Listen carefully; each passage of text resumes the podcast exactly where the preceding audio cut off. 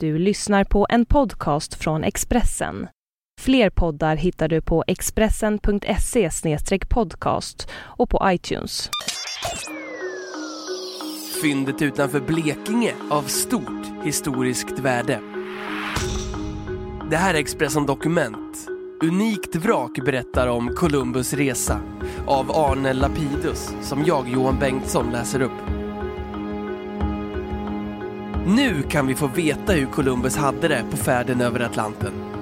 Hans Santa Maria är visserligen försvunnet, men det nyligen identifierade vraket Gripshunden i Blekinge skärgård är precis samtida med Amerikaupptäckarens skepp. Danska kungaskeppet Gripshunden var ute på en stor politisk resa när hon förliste med man och allt 1495.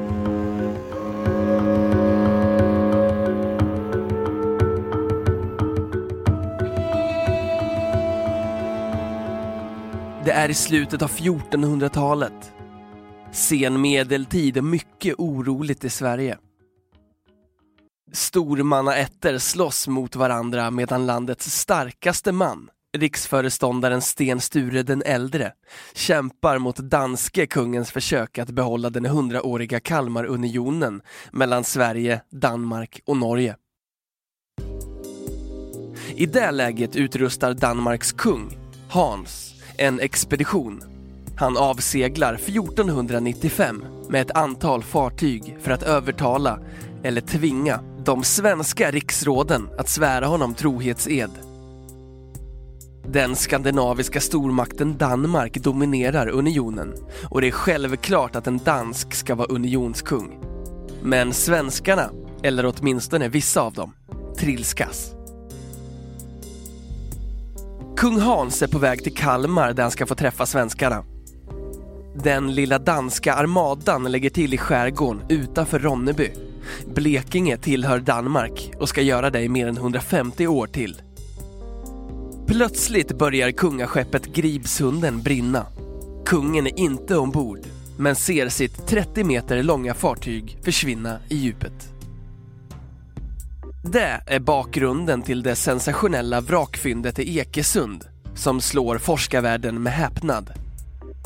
Den kungliga seglatsen och förlisningen ger allmänhistoriker nya aspekter på det storpolitiska spelet i den tidens Skandinavien.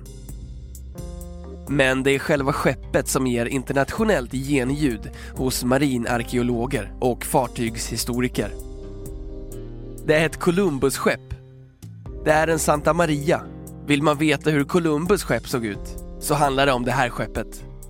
Det finns inget annat bevarat någonstans i världen, säger Johan Rönnby, professor i marinarkeologi vid Södertörns högskola. Mot slutet av 1400-talet började man bygga allt större fartyg.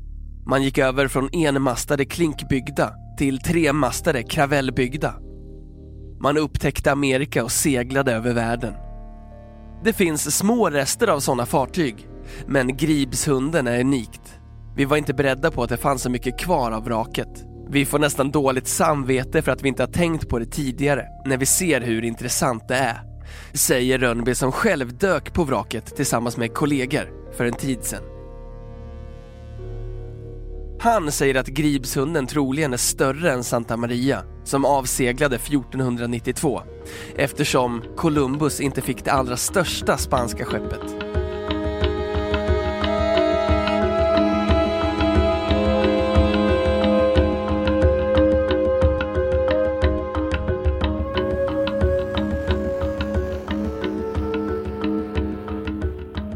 Vraket hittades av dykarklubben Doppingarna i Ronneby redan på 1970-talet. Sen gjorde Kalmar läns museum en undersökning för ett tiotal år sedan och förklarade i sin rapport att det kunde röra sig om Gripshunden. Men först nu har forskare kunnat fastställa att det verkligen är det danska kungaskeppet. Jag har gått igenom danskt källmaterial om danska flottan. Gripshunden hade av allt att döma 150 man ombord, både sjömän och soldater, säger Ingvar Sjöblom, historiker vid Försvarshögskolan, som identifierade det sjunkna skeppet som Gripshunden. Vid den här tiden börjar det finnas gott om skriftliga källor som kan jämföras med marinarkeologiska fynd. Brev, administrativt källmaterial, samtida krönikor.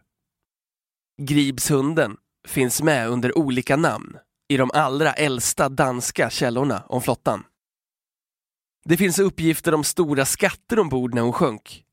Guld, silver och penningar. Så hypotesen är att det säkert finns föremål som adelsmännen hade med sig, säger han.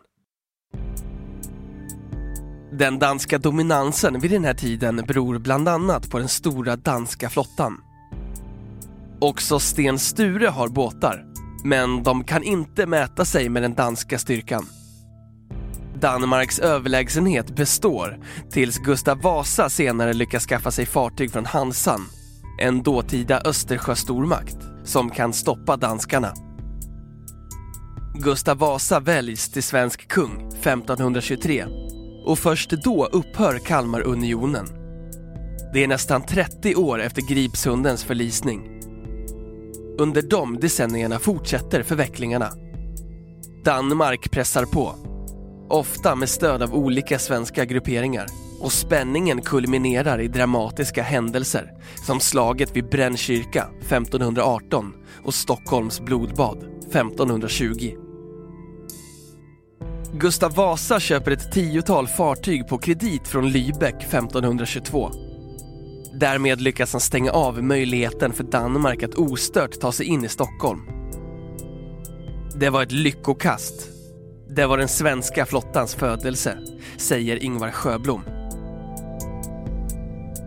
Den vetenskapliga identifieringen av gripshunden välkomnas av Blekinge läns museum som ville lyfta fram landskapets lokala och regionala historia. Inte minst dess långa danska förflutna. Museet visar just nu den stora utställningen Blekinges dansktid som är byggd kring skeppet.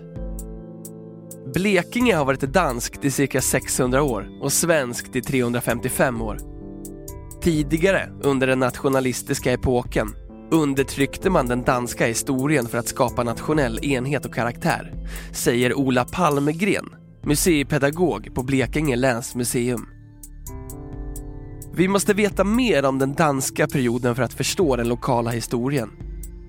Där har vi som länsmuseum ett ansvar och där kommer fartyget in för att sätta fokus. Det är ett unikt vrak av stort skeppshistoriskt värde. Det är jätteroligt att få lyfta fram det fyndet. Ett av våra guldkorn, bland det mest intressanta vi kan ställa ut, säger han. Ola Palmgren påpekar att Gripshunden la till utanför Ronneby som var Blekinges viktigaste handels och sjöfartsstad under den danska tiden och att Blekinge hade en central position i det danska Östersjöväldet. Han berättar att man bland annat visar nio kanonlavetter från fartyget samt ett antal lämningar som ger en inblick i vardagslivet ombord. Ben från oxe och ringduva, torskben, hasselnötter och körsbärskärnor.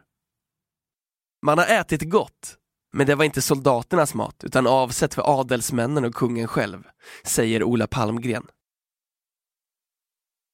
Gribshunden är det senaste av en lång rad vrak i svenska farvatten som forskarna fått upp ögonen för. Marinarkeologen Johan Rönnby berättar att han planerar att undersöka det tillsammans med utländska kollegor inom ramen för ett europeiskt forskningsprojekt.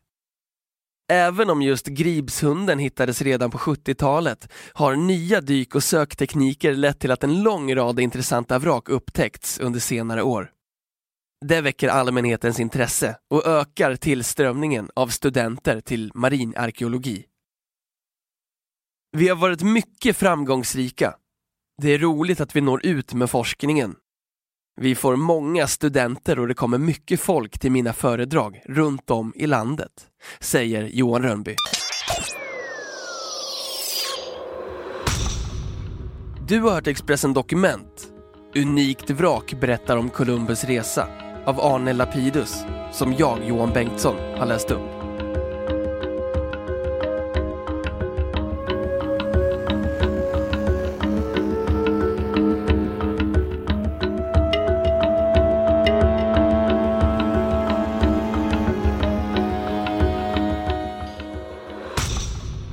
Du har lyssnat på en podcast från Expressen. Ansvarig utgivare är Thomas Mattsson.